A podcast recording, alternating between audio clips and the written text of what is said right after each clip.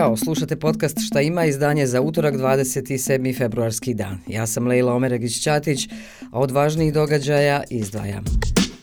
Sastanak lidera stranaka iz vladajuće koalicije u BiH bi trebalo da bude održan u Mostaru.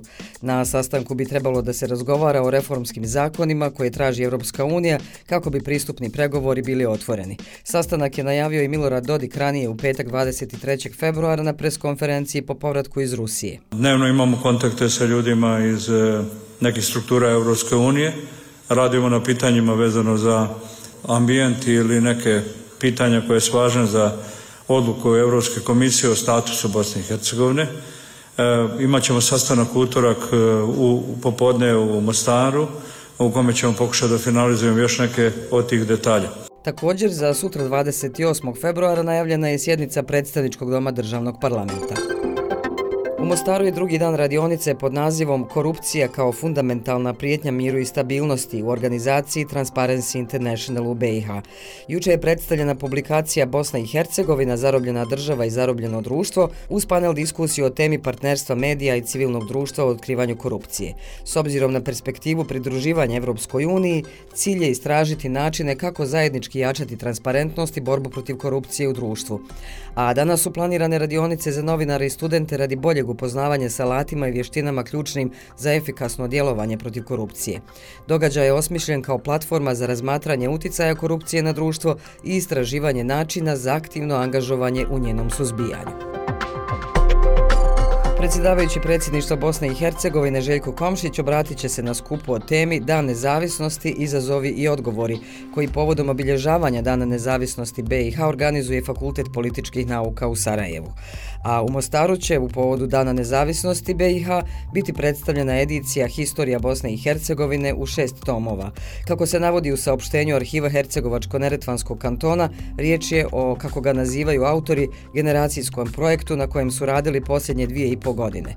Ediciju su radili domaći autori, 47 doktora nauka, 9 urednika, a stručno mišljenje dalo je 11 recenzenata. Predstavljanje edicije organizuju Kantonalni arhiv i Fakultet humanističkih nauka Univerziteta Džemal Bijedić. Sastanak na kojem će se raspravljati o uredbi Centralne banke Kosova kojom je ukinuto korištenje srbijanskog dinara na kosovskoj teritoriji bit će održan danas, a prisustvo su potvrdili predstavnici Kosova i Srbije. Poziv za sastanak je prošle nedjelje uputio specijalni predstavnik Evropske unije za dijalog Miroslav Lajčak, ali održavanje susreta je bilo neizvjesno jer je kosovska strana oklijevala da učestvuje. Inače, pripadnici srpske zajednice na Kosovu u dinarima imaju razna primanja iz budžeta Srbije, a međunarodna zajednica je upozorila da bi odluka Kosova glasova o njegovom ukidanju mogla da podigne i etničke tenzije.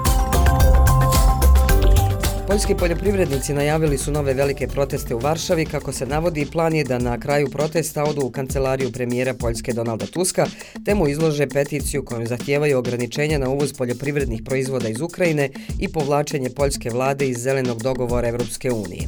Poljoprivrednici su ranije blokirali granične punktove, a nedavno su najavili totalnu blokadu granice. Poljski premijer je najavio da će se sastanak vlada ovih zemalja održati 28. marta u Varšavi. Tusk je također najavio i da će se sastati sa predsjednicom Europske komisije Ursulom von der Leyen i razgovarati o ovim problemima. Feministički antimilitaristički kolektivi ovog utorka izlazi na ulicu i pozivaju na zaustavljanje ubijanja u Gazi. Kako bi iskazali solidarnost sa ljudima u Gazi, oni organizuju simbolične akcije poput čitanja javno dostupnih imena ubijene djece. Današnje okupljanje će biti kod spomenika ubijenoj djeci Sarajeva u 17.45.